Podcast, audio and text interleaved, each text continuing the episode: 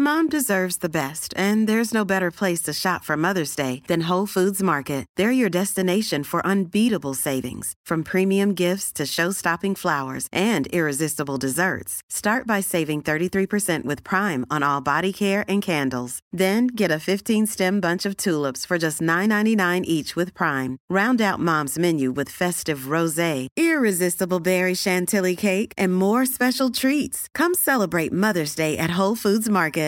One size fits all seemed like a good idea for clothes Nice dress. Uh, it's a it's a t-shirt.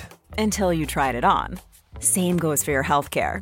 That's why United Healthcare offers a variety of flexible, budget friendly coverage for medical, vision, dental, and more. So, whether you're between jobs, coming off a parent's plan, or even missed open enrollment, you can find the plan that fits you best. Find out more about United Healthcare coverage at uh1.com. That's uh1.com. Everyone knows therapy is great for solving problems, but getting therapy has its own problems too, like finding the right therapist, fitting into their schedule, and of course, the cost. Well, BetterHelp can solve those problems. It's totally online and built around your schedule. It's surprisingly affordable too. Connect with a credentialed therapist by phone, video, or online chat, all from the comfort of your home. Visit betterhelp.com to learn more and save 10% on your first month. That's BetterHelp, H E L P. Du lyssnar på LaxTon-podden. Spökjakt på riktigt. Mitt namn är Tony Martinsson. Och jag heter Niklas Laksonen. Tillsammans driver vi Sveriges främsta paranormala utredningsteam. LaxTon Ghost Sweden. Då var det dags för en ny skrämmande podd. Skrämmande. Ja, kanske inte så skrämmande men spännande. Skrämmande och spännande.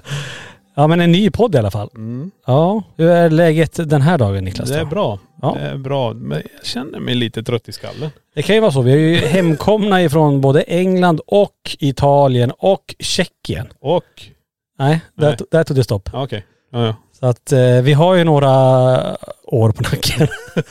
Jag bara säga hår på nacken. ja, några hår på nacken och några reseår i, i, i bak i kroppen. Alltså, nej, man är lite sliten. Och så tittar jag lite grann på ett papper här bara. Ja, just det.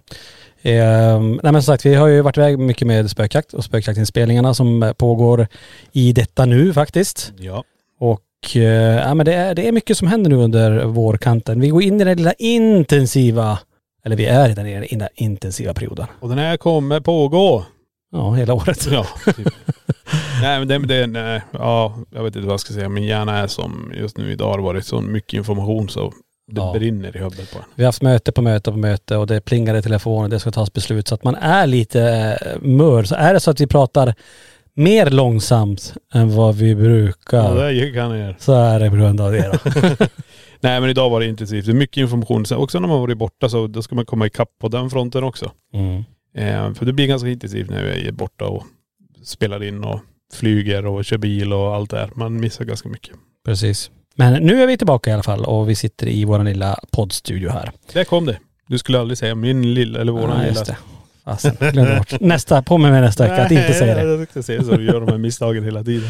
Ja.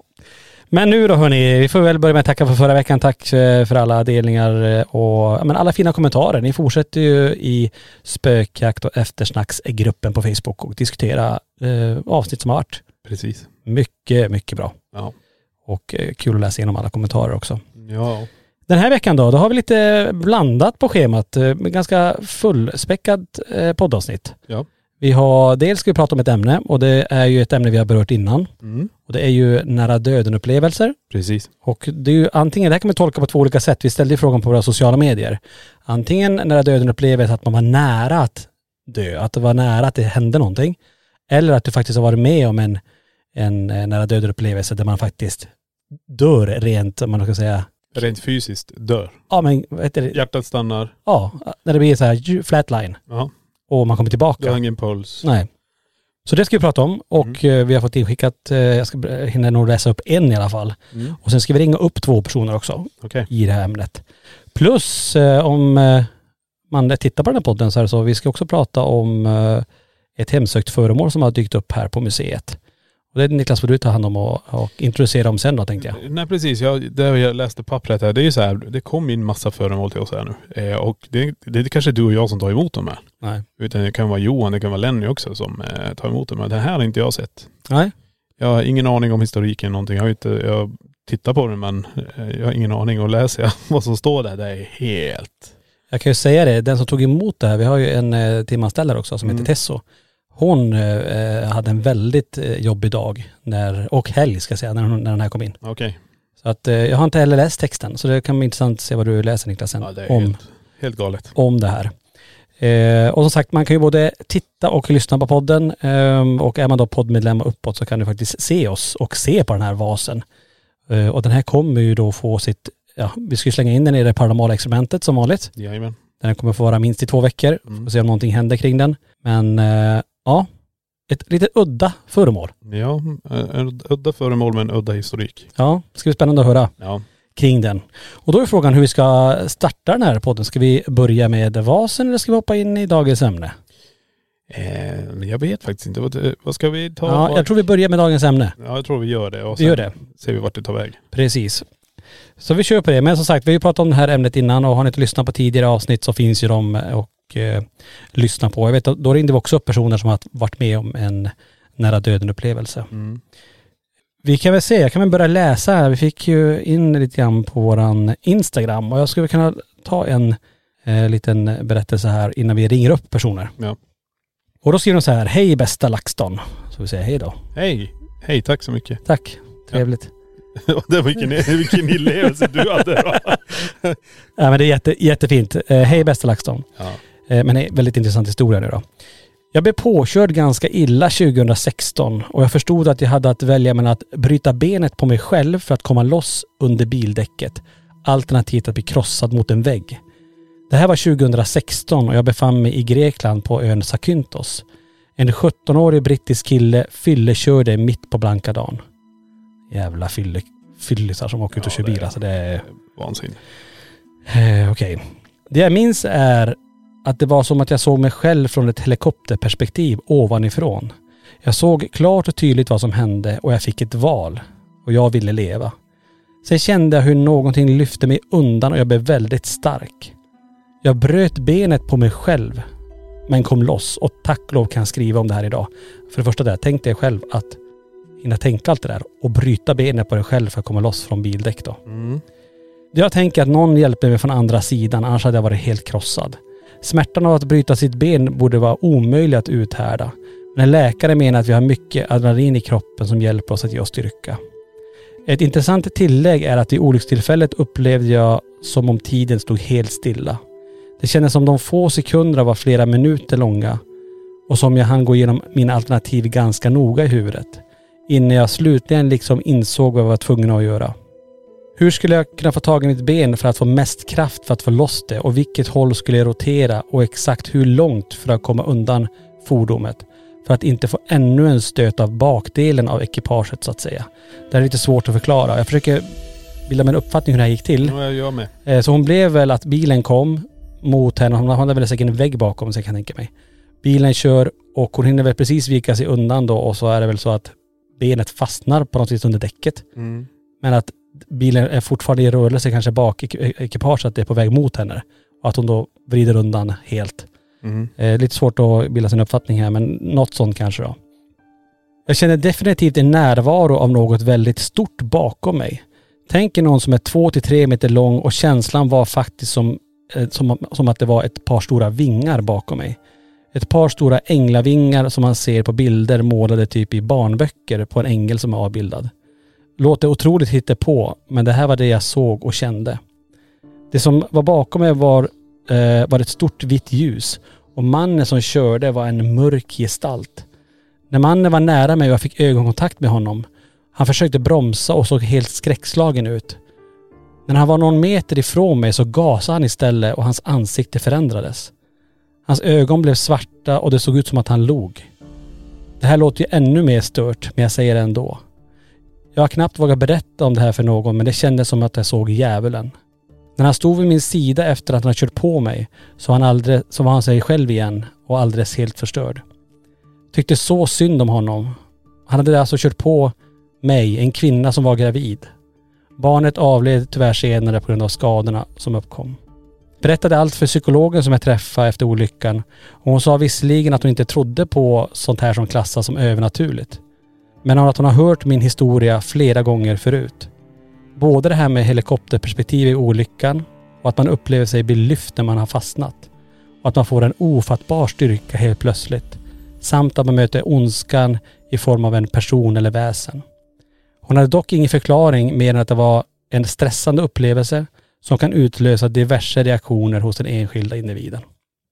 Så här är det ju en sån story kan man säga om en person som var nära att dö.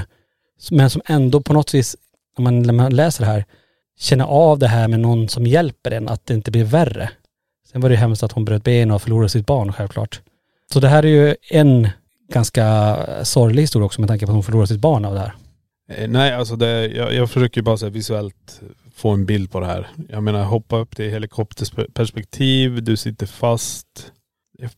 Det känns som att hon har redan krockat. Bilarna är ihop någonstans. Hon Mm. sitter fast någonstans under däck. Hon blir påkörd, alltså hon är ute och går säkert då. Hon blir Det måste påkörd. vara det då Ja. i så fall, eller? Mm, ja det står att hon är ute och går. Ja just det. Och då hamnar hon klämd och sen en bil till. Alltså, ja.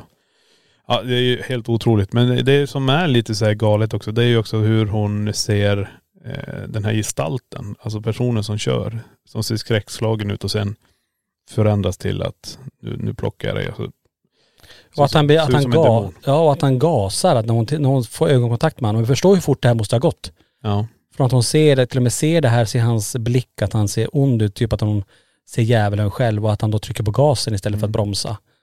Eh, sen är det då svårt att få ihop exakt hur det här hände. Man, jag försöker bild, bygga bilder.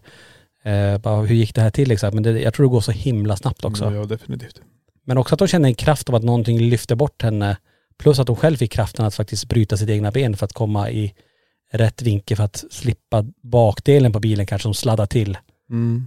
Ja. Eh, Så att, eh, otrolig historia egentligen. Ja det är galen. Ja men det är ju så, man har ju hört talas om det där med att man kan få otroliga krafter. Men det är som att säga, adrenalinet är ju ganska stort när påslaget kommer. Mm. Man vet inte om man, man blir säkert stark och kanske eh, smärtan och allt det här släpper. Att man kan göra massa galna grejer. Mm. Ja, man har ju ändå hört historier om det här med att mammor kan lyfta av bort bilar som är barnet under. Och man har ju sett massa klipp också. Tänk dig när man ser folk som blir, alltså typ så här att de hamnar under en bil eller någonting. Mm. Och så reser de på sig och går därifrån. Men jag menar det är ju en tre ton som rullar över. Ja, Det är också så här. är galet att, att folk klarar sig egentligen. Ja. Men det här kanske inte var den här klassiska då att man åker iväg i en tunnel och att du faktiskt dog. Men det är ju nästan där det är. Ja men det är, jag håller med dig. Det är ju helikopterperspektiv. Ja. Alltså du, det är som att du har redan lämnat kroppen för att, eh, eller en sån, hur ska man förklara, blir det en sån instinkt igen att man helt plötsligt, man lämnar kroppen till, går upp, bedömer faran och sen tillbaka, bryter benet på sig själv och undviker att, att dö. Mm. Alltså det är lite så jag tänker. Och, och som hon, hon sa ju det att flera, alltså de här sekunderna där allt hände, det kändes som flera minuter, att det kändes som att tiden stod still. Ja. Som att man kunde frysa tid och rum och sen göra massa val för att få den bästa möjliga utkommen av, av alla dåliga alternativ ja, kanske. Men Ja, det var häftigt. Eh, Det, det är väl ingenting man vill uppleva men eh, intressant historia. verkligen. Helt otroligt.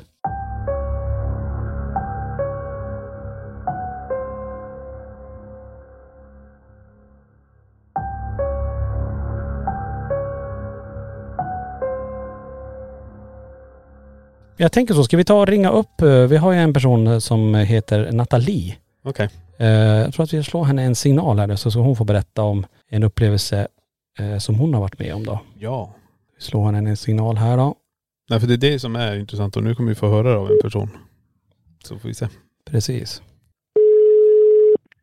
Nathalie. Hej Nathalie, det var Tony och Niklas ifrån eh, LaxTon-podden. Hallå? Hallå, hallå. Halloj. Så du skrev in till oss eh, när vi hade ställt en fråga på våra sociala medier eh, när det handlade om nära döden-upplevelser. Eh, Ja. Som var jätteintressant. Skulle du kunna, kunna berätta om den här händelsen? Ja, visst. Ehm, Jag var tio och blev sparkad av en häst i ansiktet Au. och hade ganska stora skador. Ja, så. Ehm, och sen så på natten där, första natten, så Ehm, ja, jag, jag liksom såg mig själv sitta i ett flygplan. Och då var det jätte, jättefint ljus bakom ett stort berg. Sådär. Och så är det en röst som säger att eh, ja, om du kraschar i berget med flygplanet så kommer du att komma till ljuset. Men om du vill så kan jag ta dig ifrån planet. Eh, om du vill vara med din familj och din mamma. Så att jag, jag valde min mamma. Mm. Ehm, men det var ju ett fantastiskt ljus, verkligen. Ehm, och jag förstod ju att alla andra som satt på planet, de skulle ju dö då. Mhm. Var det, alltså nu kommer lite frågor här men, men det här, den här, det var bara en röst du, du såg ingen men du hörde bara en, en inre röst som, som sa det till dig eller? Ja, det var som att det stod någon bredvid mig. Jag fick inte se honom, eh, för det var en mans röst. Ja. Ehm, men sen så såg jag ju handen då som sträckte in och, och tog mig från planet. Men- Och det här, hela planen var fullt med personer eller? ja, med själar. Ja, Ja med själar då. Så de, de här var på väg någonstans men då kunde den här då som stod bredvid dig kunna hjälpa dig av planet och fortsätta leva då. Ja. Om jag tolkar det rätt. Ja, coolt. Galet. Hm. Ja, det var galet. Ja, men men det... det- var ju, alltså det var så häftigt och det här ljuset var så fantastiskt. Alltså det var verkligen lockande och inget skrämmande överhuvudtaget. Men allt det här som du upplevde nu med, med planet och ljuset och, och, och rösten och det.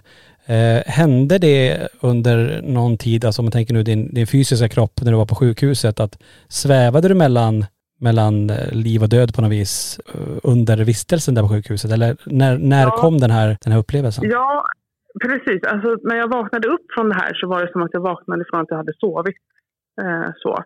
Och eh, då var det lite panik i rummet för min puls var ganska svag. Eh, de fick liksom inga mätningar att funka.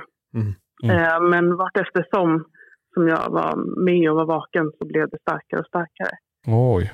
Ja. Men, men jag, jag tycker det är jätteintressant med just med ett plan. Ja, det, det har vi inte hört Nej men att man åker, så här, nu låter det kanske ganska dumt, att du åker som ett kollektiv med folk. Alltså du sitter på ett plan.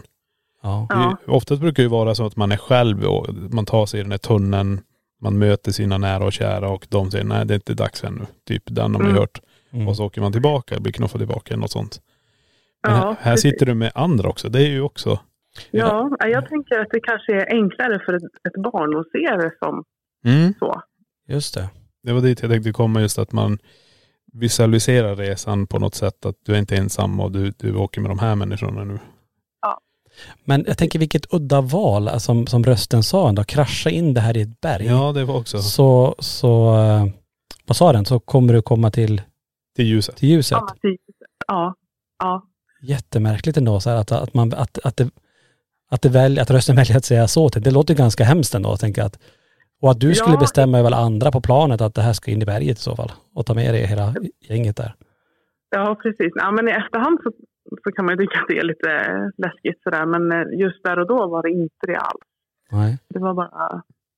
Det, allt kändes väldigt sådär lugnt och ja, men genomtänkt på något sätt. Om det, det låter lite konstigt att säga, men det kändes så. Ja.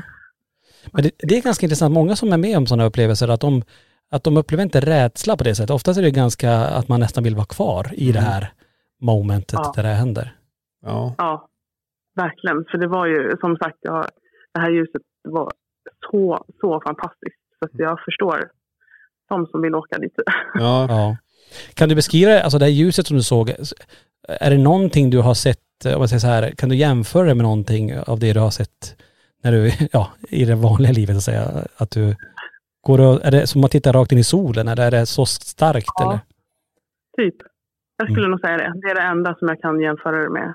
Rakt in i solen i så fall. Mm. Och liksom verkligen strålar. Och så, alltså, det ger en till och med en sån här varm känsla. Det är inte bara att man ser att det ser fint och varmt ut. Så. Just det. Otroligt. Ja. ja det. Men hur, hur länge blev du kvar på sjukhuset sen eller fick du åka hem hyfsat eh, efter allt det här? ja, men hyfsat. Men de märkte att det liksom ändå satt ihop i ansiktet på något sätt.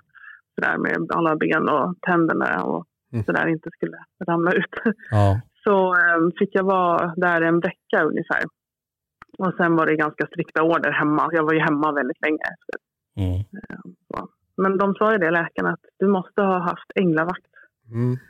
Så det var lite roligt det också. Ja. Det var faktiskt någon som hade kommit in veckan innan med samma eller liknande skador och inte klarat sig. Oj. Så um, det var ju det min mamma fick höra, att förbereda dig på det värsta. Ja, det är också, Ja. tänker jag, alltså just bli sparkad i, i huvudet av, av en häst. Alltså det är otroliga krafter. Och som barn också när man inte har, alltså muskulaturen är inte kanske som en, på en vuxen heller. Eh, Nej. Och klara av det då, det är ju, ja, vilken tur.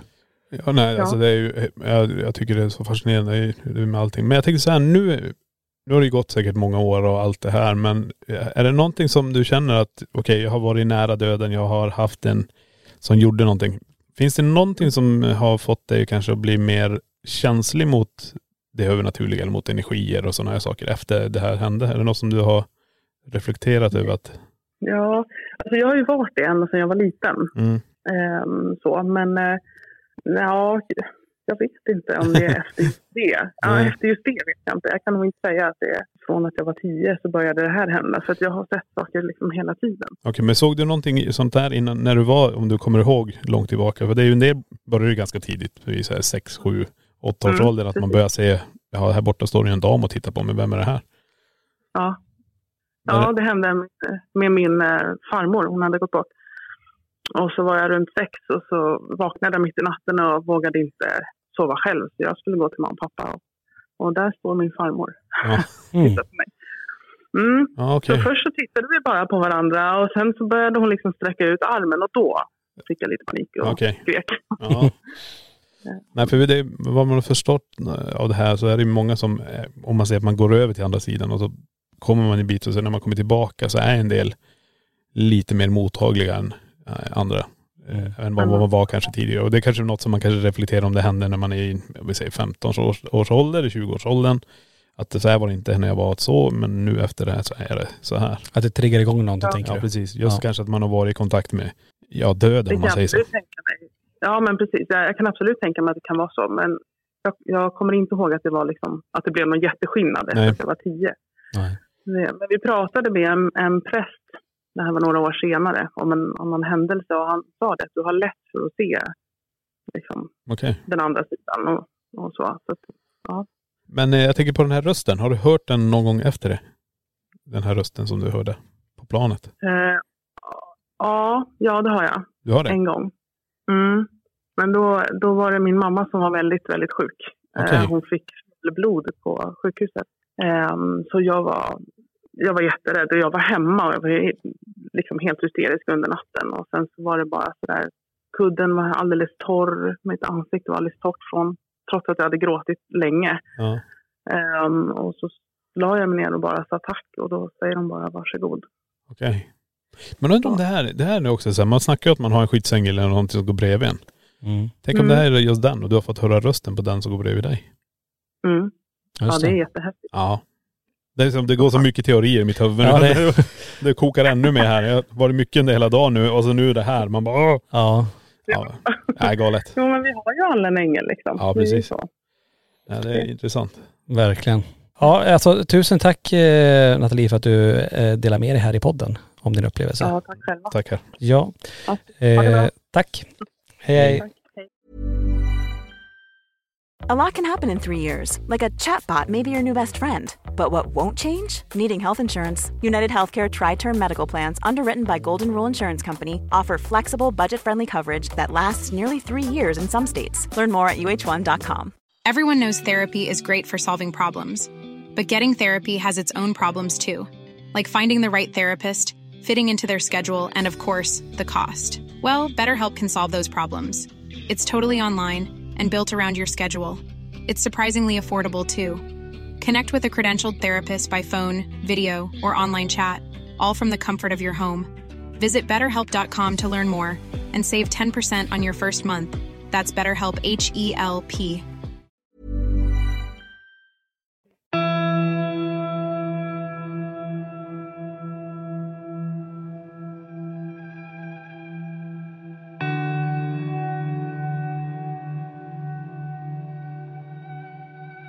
Som sagt, där hade vi då Nathalie som berättade, alltså för det första tänk att bli sparkad i huvudet av en häst. Alltså otro, vilken smärta det måste ha varit. Ja herregud. Men det är, ja, det är så mycket grejer som jag vill veta här. Eller förstå. Jag menar tänk dig så här, du sitter på ett plan och du bestämmer om det ska krascha eller inte. Mm. Men jag tror det också var lite så här skrämsel egentligen. För att inte det ska, du måste ta valet att vilja leva.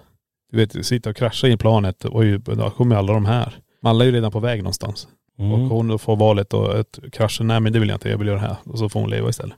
Tänker så. Men kan det ha varit en skyddsängel som var bredvid henne? Hon har ändå hört rösten en gång till. Just det. Det är, så, det är ju de här efterfrågorna, men det är det man, man vill ju nysta lite grann. Vad hände efter det här? Och nu var hon ju så ung också. Mm. Men det är därför jag menar, en del kommer ju, vi har ju folk som kommer hit på museet som är yngre, som ser saker här. Mm. Eh, och de, de inte vet om att de är mediala på det sättet. Utan eh, vi säger att en person i, jag vill säga att du är 18, 20 och så kraschar du med bilen och så är du nära döden och plötsligt när du kommer tillbaka så helt plötsligt blir du mer känslig mot energier, du blir, se mer saker och så här. Mm. Det är många som, som sagt, som, som, det blir som en trigger, att det, någonting händer, att det Mm. kickar igång någonting. Mm. Eh, och det är många mediala personer som har varit med om en, olycka som sen har gjort att de har fått lättare till att få kontakt med, Ja, med, med andevärlden. Ja. Så. Äh, jättespännande. Ja, eh, säger tack till Nathalie där. Och vi har en till vi ska ringa upp faktiskt. Emilia. Ska vi kolla vad hon har varit med om då? Mm. tar vi och ringer upp henne här. Hej det är Emilia. Hallå Emilia, det var Tony och eh, Niklas från LaxTon-podden här. Halloj! Hej. Hallå, hallå. Se, du skrev in eh, på våra sociala medier och berättade om en eh, nära döden-upplevelse. Skulle inte du kunna ta oss igenom det? Det var ju superintressant att läsa om. Ja tack. Jo men absolut. Ehm, år em, 2010 så var jag med om en snowboardolycka. Jag blev påkörd av en skidåkare bakifrån där i en svart backe och flög eh, 30 meter. Landade i backen och eftersom det är så brant så åkte jag 200 meter till innan det tog stopp mot en eh, snökanon.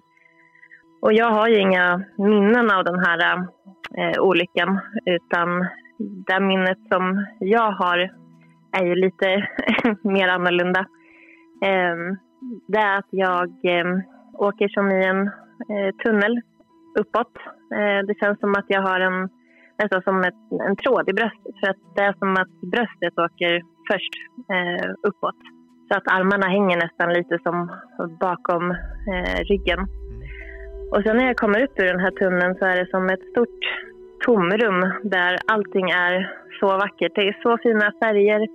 Jag har inte ett eh, bekymmer i världen. Det känns så fridfullt och det känns nästan som när man står och tittar upp på havet. Det är oändligt. Inga väggar, inga tak. Bara så vackert där uppe.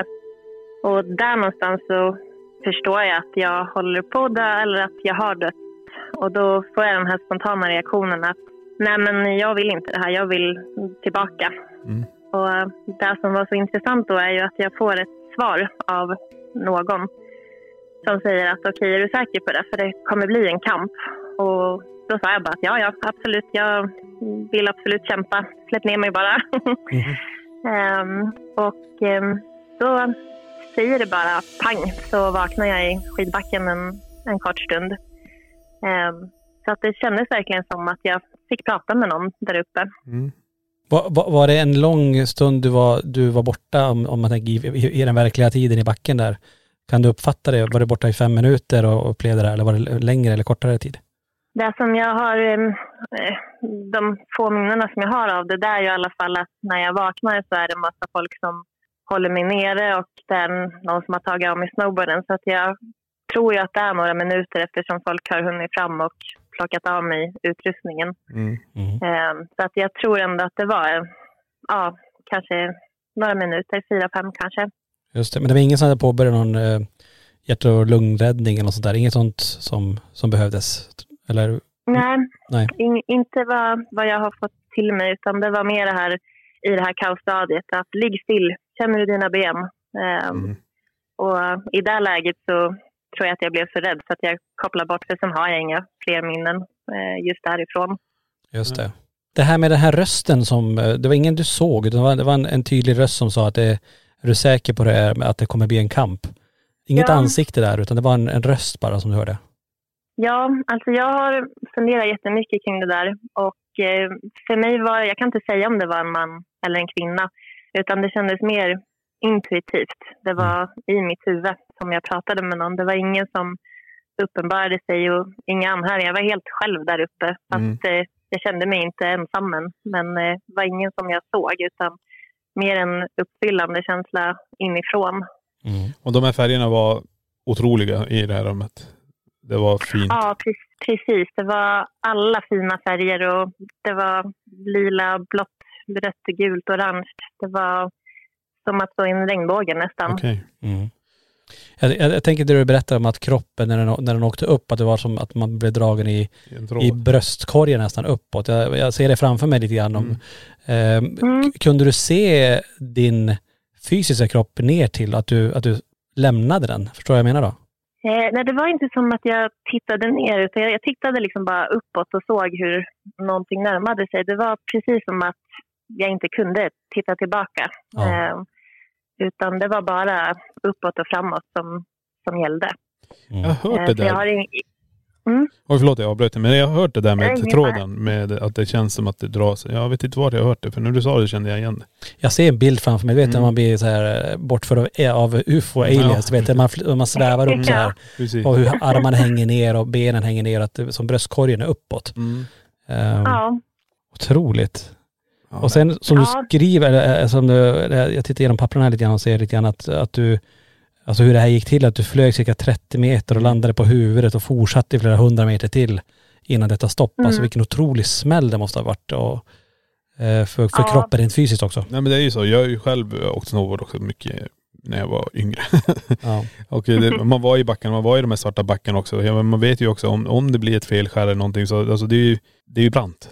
Mm. Det är väldigt, väldigt brant. Ja. Och så träffas man av en projektil som kommer. Jag vet inte vilken hastighet den här personen kanske hade men då flyger du. Då flyger du väldigt ja långt. men precis. Och det här var en person som inte hade någon kontroll överhuvudtaget. Och jag hade ju också jättehög fart såklart. Och jag är så tacksam att jag hade både hjälm och, och ryggplatta på Oj, mig. du hade det. och, Ja, det är jättebra. Mm. ja, och min, min hjälm var ju tvådelad. Åh jädrar. Oh. ja. Men hur, hur blev det här nu? För rösten sa ju till dig att det här kommer bli en, en svår kamp. Var det så sen när du väl kom tillbaka? Var det lång rehabilitering och för, för att komma tillbaka? Alltså blev det sådana skador så att säga?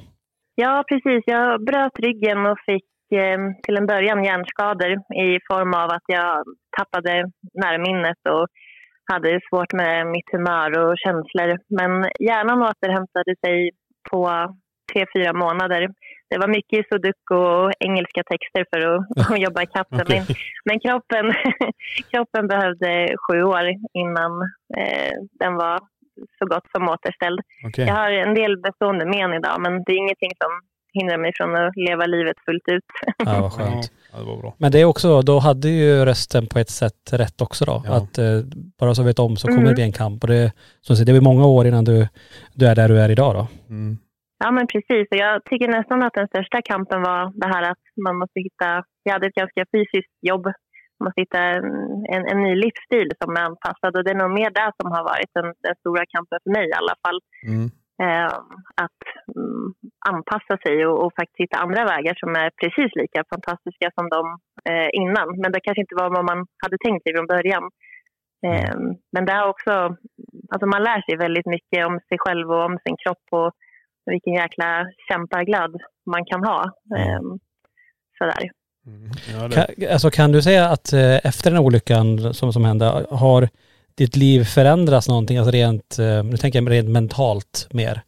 Ehm, Ja, eh, jag tycker nog att jag har blivit väldigt eh, levnadsglad. Och Det är inte så mycket som krävs för att livet ska vara eh, härligt och underbart och att jag ska uppskatta det. Och det är någonting som jag är jättetacksam över. Sen är jag ju såklart väldigt glad över att ha fått en andra chans. Sådär. Mm. mm. Eh, Men jag följer mina drömmar mycket mer än vad jag eh, gjorde innan. Jag känner efter väldigt mycket att det är det här jag vill göra med mitt liv. Och jag kanske vågar eh, göra större förändringar. Innan så kanske man har varit lite mer feg. Men nu är det så här, jag har det här livet och nu ska jag leva det på det viset som jag vill. Och Mm. då har jag lite mer mod att, att göra det än vad jag hade innan. Mm. Jag tänker otroligt att en sån, eh, sån jobbig upplevelse ändå och, och händelse ändå att, att det mynnar ut i någonting bra som gör att man faktiskt blir än mer levnadsglad och faktiskt eh, ja, tar tillvara på det här livet och verkligen till sitt yttersta. Och precis som du säger, det tror jag är jätteviktigt att man ställer frågan till sig själv att är det här jag verkligen vill göra? Eh, Mm. Många kör på där med saker de inte vill göra men man, man gör det ändå. Mm. Ehm, Precis. så det är fint att få en sån insikt tänker jag. Ja, verkligen. Och jag är lite lagd åt det här hållet att livet ska vara fint och man ska inte gå och deppa ihop över saker utan det är bara att, det är lite vad man gör det till sådär och jag har verkligen valt att göra det till något, något bra. Och när jag var ett år så bröt ju min pappa nacken också så att jag har ju mycket erfarenhet från min barndom med att vara kämpaglad där och att livet kan vara väldigt fint också. Mm. Så att jag hade lite förtur innan där. Just det. Mm. Otroligt. Ja, Emilia, vi säger tusen tack för att du ville dela med dig. Ja. Jättestark berättelse och, och som sagt tack för att du ville vara med i LaxTon-podden och berätta om det här. Ja, men tack så jättemycket för att jag fick vara med och, och tack för en fantastisk podd. Ja, Tusen tack. Tack så mycket. Ha det så fint. Ha det Ha bra. det så bra. Ha det bra. Hej, hej, hej.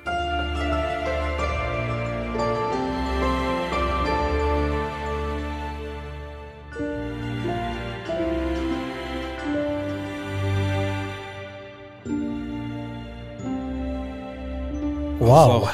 Det, det där, alltså, jag måste bara säga det, alltså, jag vet ju själv hur det är när man åker i backarna när man åker snowboard. Det är det värsta som finns. När du är i en svart backe och du är halvvägs ner Mm. och så tänker du okej jag ska ta det där hoppet där och så kommer det någon som inte har kontroll på skidorna. Som verkligen plogar. Mm. Och tappar dem i ett enda fäste, sen sticker de alltså. Mm. De åkte in på helt, de inte läst de här markeringarna som betyder svart att det är jättebrant. Och tänk att bli träffad av en person så. Jag tänker, du, du har ju åkt mycket, mycket Ja. snowboard och, menar, och jag har åkt mycket slalom också i och för sig när vi bodde uppe i Kiruna och även här nere i södra Sverige. Men, men vi har ändå haft koll tänker jag. Vi ändå, man är uppvuxen nästan på, på ett par skidor. Man, man kom ut med skidor. Det gjorde man inte, men nästan.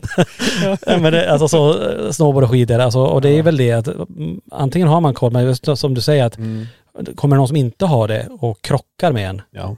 Eh, eller att det går alldeles för fort, att man inte har 100% koll på, på kroppen och, och utrustningen Nej det är ju det. så kan det gå som hon beskriver väldigt, väldigt fel väldigt Precis. snabbt. Och det är därför man ska börja i de lugna backarna och sen se hur man avancerar i sig själv. Mm. Men eh, det är ju som, hon hade ju ändå hjälm och ryggplatta. Hade du något av det där? Ingenting. Nej. Man hade ju inte det. Inte på den tiden. Då hade du När var det tänkte jag säga? 90-talet. 50, ja, 50-60. 90, ja, i slutet av 90, ja, någon gång i mitten 90 där. Men Ja. där var det ju bara så här, okej, man tog på sig någon toppluva och så här. Det enda man hade som skydd egentligen, det var ju det som var inbyggt i täckbyxorna. Och då var det ju bara eh, sådana här, vad heter det? Knäskydd. Typ liggunderlagsgrejer som man hade så du kunde stå på knäna i, när du väntade eller gjorde någonting om du stod i backen. Mm.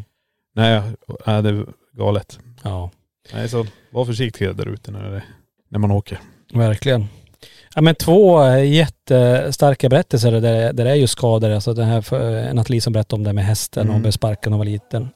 Nu får vi se. Ska Ja, vi nu ringer det nu en ringer det mitt i våran Mitt i podden lilla podd också. här. Ja, och den stänger vi av nu Eh, direkt. Det är ju sådär. Det där var amatörmässigt. Ja, det men, där, men det är för det att där gör jag, du inte om en gång till. ja, men det är för att jag har det på, jag hade inte på flight mode. För jag har ju ringt annars. Han brukar alltid på flight mode. Så, För någon gång ska vara första gången. ja ja, det är bra. Ja. Men Eh. eh, nej precis. Och jag tänkte så här, just när man tittar ur det perspektivet också när man har en nära döden upplevelse eller någonting. Mm. Färger.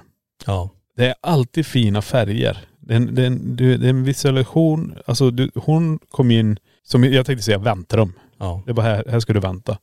Men hon sa också det här med tråden som det kändes som att hon blev dragen i bröstkorgen. Jag vet inte, jag har hört det här tidigare. Men jag vet inte vart jag har hört det. här. Men tänk när du kommer dit och du ser de här färgerna. Då gäller det också att vara i sitt eh, rätta sinne där. För är du inte, mår du inte bra eller något och du har tagit dig dit. Var hon då, men jag vill ju leva. Ja. Så det är ju jättehäftigt att de får, då, då kommer det bli en kamp. Mm. Men jag håller med, jag känner också igen det där. Ja jag vet inte vart jag har hört det. Ja, det, det kommer, polletten kommer väl trilla ner förr eller senare. Ja. ja jättespännande och vi säger tack till både Nathalie och eh, Emilia som ville berätta och dela med sig om det här. Ja. Och som sagt, vi skulle kunna prata av eh, flera, flera timmar om just nära döden upplevelser och vi kommer säkert Men återkomma det till här det är framöver. ganska, tänk efter, vi har gjort en, en sån här del tidigare. Ja. Det är, det, det, det är inte närheten. Det, Det ändras hela det tiden. ändras hela tiden. Det är helt otroligt. Men Ja. det som hon sa, också det med planet. Det var kanske det jag skulle bara få se. Ja. Och det har vi också pratat om tidigare. Så att är, är, får man bara se vad du klarar av att se eller? Ja. Och det är samma när det gäller det övernaturliga. När du går in i ett rum, du kommer nog, du måste vara ganska långt gången i det paranormala innan du kommer få se en helkroppsgestalt som står framför innan, innan hjärtat, alltså som du brukar säga att hjärtat lägger av för att du blir så rädd. Ja. Att du får se de här små glimtarna så du bygger upp så du till slut tål det. Mm. Det här med planen kanske var hennes, som du säger, det var hennes sätt att processera och bearbeta och, Ja. och att hon hade någonting att relatera till kanske, att man satte sig i ett plan. Mm. Men ja, Superspännande. Och varför det var just ett plan, det, det vet man ju inte men. Ja men det symboliserar, det symboliserar ju resa. Jo. Att hon reser någonstans nu. Och du får välja om du vill åka vidare med den inte. Men det var ett jävla konstigt val. Eller hur? Krascha, flyget. Nej, superspännande. Ja, det är galet. Som sagt, tusen tack till er som delar med er av de här upplevelserna. Vi kommer säkert återkomma till det här ämnet Ja, det längre fram också. Ja. Men eh, vi har ju fler grejer. Vi har ju en vas som vi har stått och tittat på ganska länge som är här tillsammans med oss i poddrummet. Och ja. Ehm, den här vasen ser ju inte mycket ut för världen men den, jag har, jag har nog inte sett en sån här form på en vas och färg heller. Vi får kanske beskriva den. Den är inte, vad är den, 20 centimeter hög, en eh, drygt 10 centimeter i diameter och lite röd, spräcklig, svarta prickar. Jag vet inte vad Den det är är. lite blå också men den är, alltså, är det cylinder? Jag vet inte vad man ska kalla den Nej. formen. Ja men den är väldigt speciell och jag tänkte så här, okej nu det står en vas här, jag har ingen aning om vad det handlar om. Nej. Och så läser man på det här pappret. Ja, jag tänkte du ska få läsa alldeles strax för jag Mm. tänker vi får ju mycket föremål. Oftast ibland kanske är någon creepy docka eller att det är någonting som sticker ut verkligen som man ser att oh, den här ser obehaglig ut. Eh, det här är ju en, en vanlig vas, man. vad är det för speciellt med den här då? Mm. Men som du säger, nu har inte jag läst det som du ska läsa alldeles strax. Nej det är ett eh. helt A4-papper här. Ja, Och det startar nästan direkt. det är det. Ja. Ja men ta det så vi, kan vi prata lite om det där också. Eh, Men den här vasen då, den kvinna som har hittat den här på en återvinningsstation i södra Sverige. Den stod på ett bord där man kunde lämna saker och eh, andra får ta. Man kunde bara ta det om man ville då. Usch, ta aldrig sådär. Nej jag vet. Jag vet. Hon va- valde att ta med sig vasen hem eh, då hon tyckte att den hade ett coolt utseende. Och Vi pratade ju precis om det. Det var ju väldigt konstigt så här hur den ser ut. Mm. Eh, Den placerades tillfälligt i köket med ett lock på. Då hon vid senare tillfälle tänkte fixa en bukett att ha i den, alltså med blommor i den. Eh, senare samma dag eh, går hon in i köket, ser hur något kommer flygandes och det var locket hon hade lagt på vasen som flög ungefär 3-4 meter rakt ut i luften mot henne. Inga fönster var öppna, ingen var i närheten, så det fanns ingen logisk förklaring till att detta skulle kunna ske. Mm. Så locket stack från den där. Det var, började så. Eh, kvinnan valde, att- eh, valde att höra av sig till sin svärmor som har en stark medial förmåga. Svärmodern kom till lägenheten och rensade vasen och hemmet. Samt såg till att det inte fanns något ont eller liknande. Inget mer konstigt hände efter detta. Inte förrän ens två år senare. Så hon Mm. har kvar vasen så länge och det är ingenting som händer då. Händelsen med vasen kommer upp i diskussion på en middag tillsammans med kvinnans mor och farföräldrar. Hennes farmor som också var mycket intresserad av det mediala, också även haft en medfödd känsla för det, ville kolla och känna på vasen. Hon tog fram sin pendel och kände direkt en ond obehaglig känsla i kroppen. Pendeln vickade frenetiskt fram och tillbaka eh, lodrätt, vilket enligt henne betydde att det hade negativ energi i sig. Och hon ville direkt att kvinnan skulle göra sig av med vasen. Så nu efter två år då testar man det här så då, då ska man ju så, då är det någonting som ändå är bundet till den. Mm. Samma natt hade en kvinnan, eller samma natt hade kvinnan det hemskaste mardrömmen någonsin. Hon vaknade flera gånger att hon skrek rakt ut, men somnade om varje gång och hoppade direkt in i samma dröm igen. En obehaglig man förföljde henne i lägenheten. Det måste vara drömmen då. Mm. Saker i hemmet börjar brinna. Falla, flyttas, kastas runt. Känslan var otroligt stark och negativ. I drömmen hade vasen även en stor betydelse då hon minns att hon skyllde händelserna på den. Mhm. Och det här är bara en bråkdel av alla grejer som händer. Alltså det, Wow. det finns mer. Och vill man veta mer så kommer den här ställas fram och den här texten kommer finnas att läsa.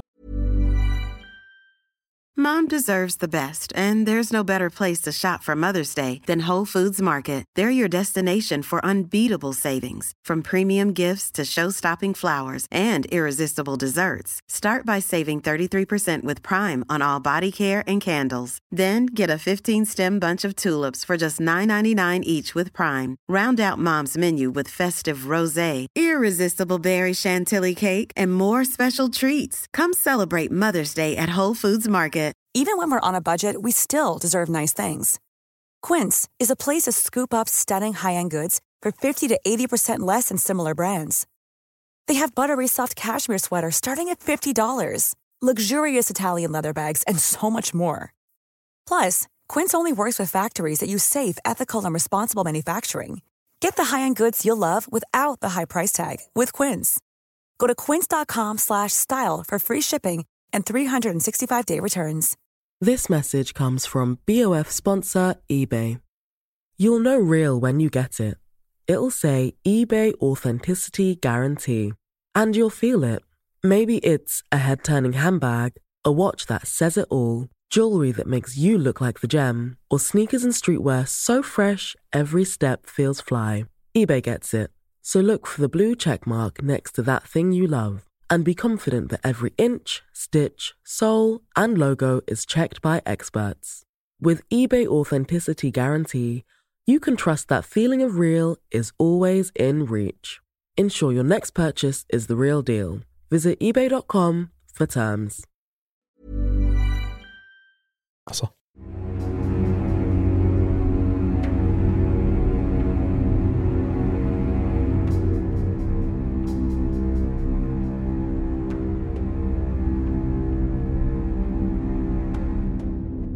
Otroligt idag, bara med en vas tänker man att den där kan orsaka så mycket. Man blir ju direkt nyfiken så här nu när den lämnades in på återvinningsstationen.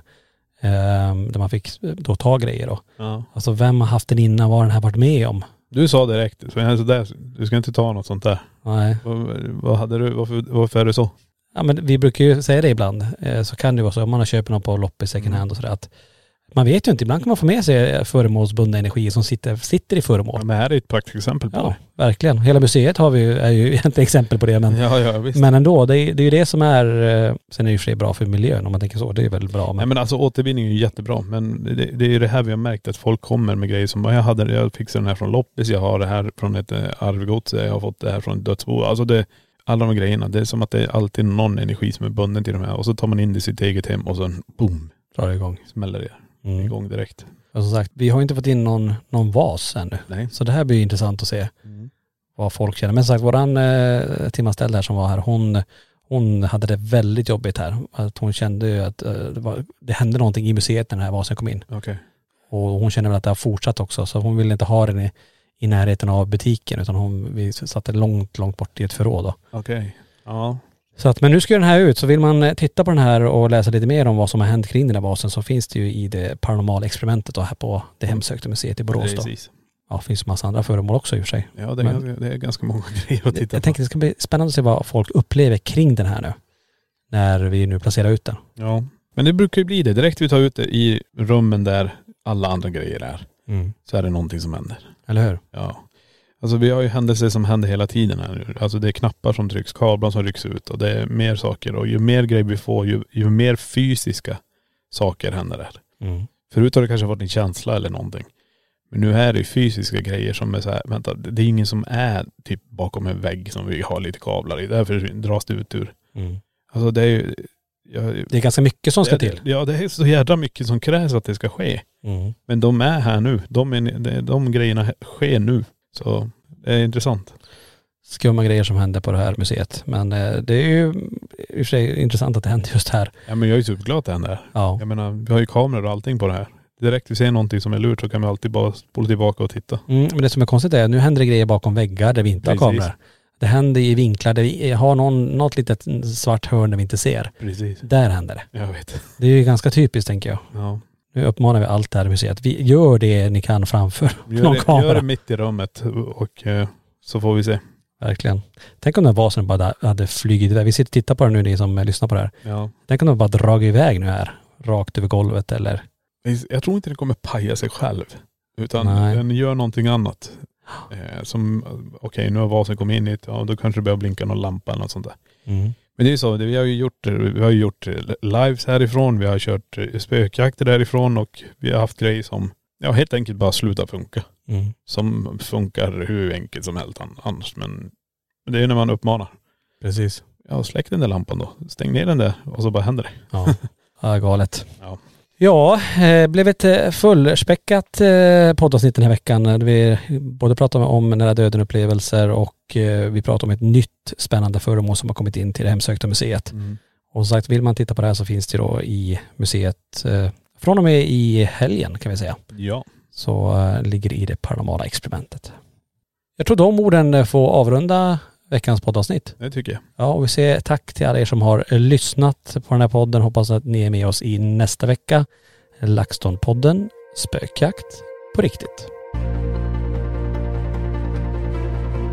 Tack för att du har lyssnat på LaxTon-podden, spökjakt på riktigt.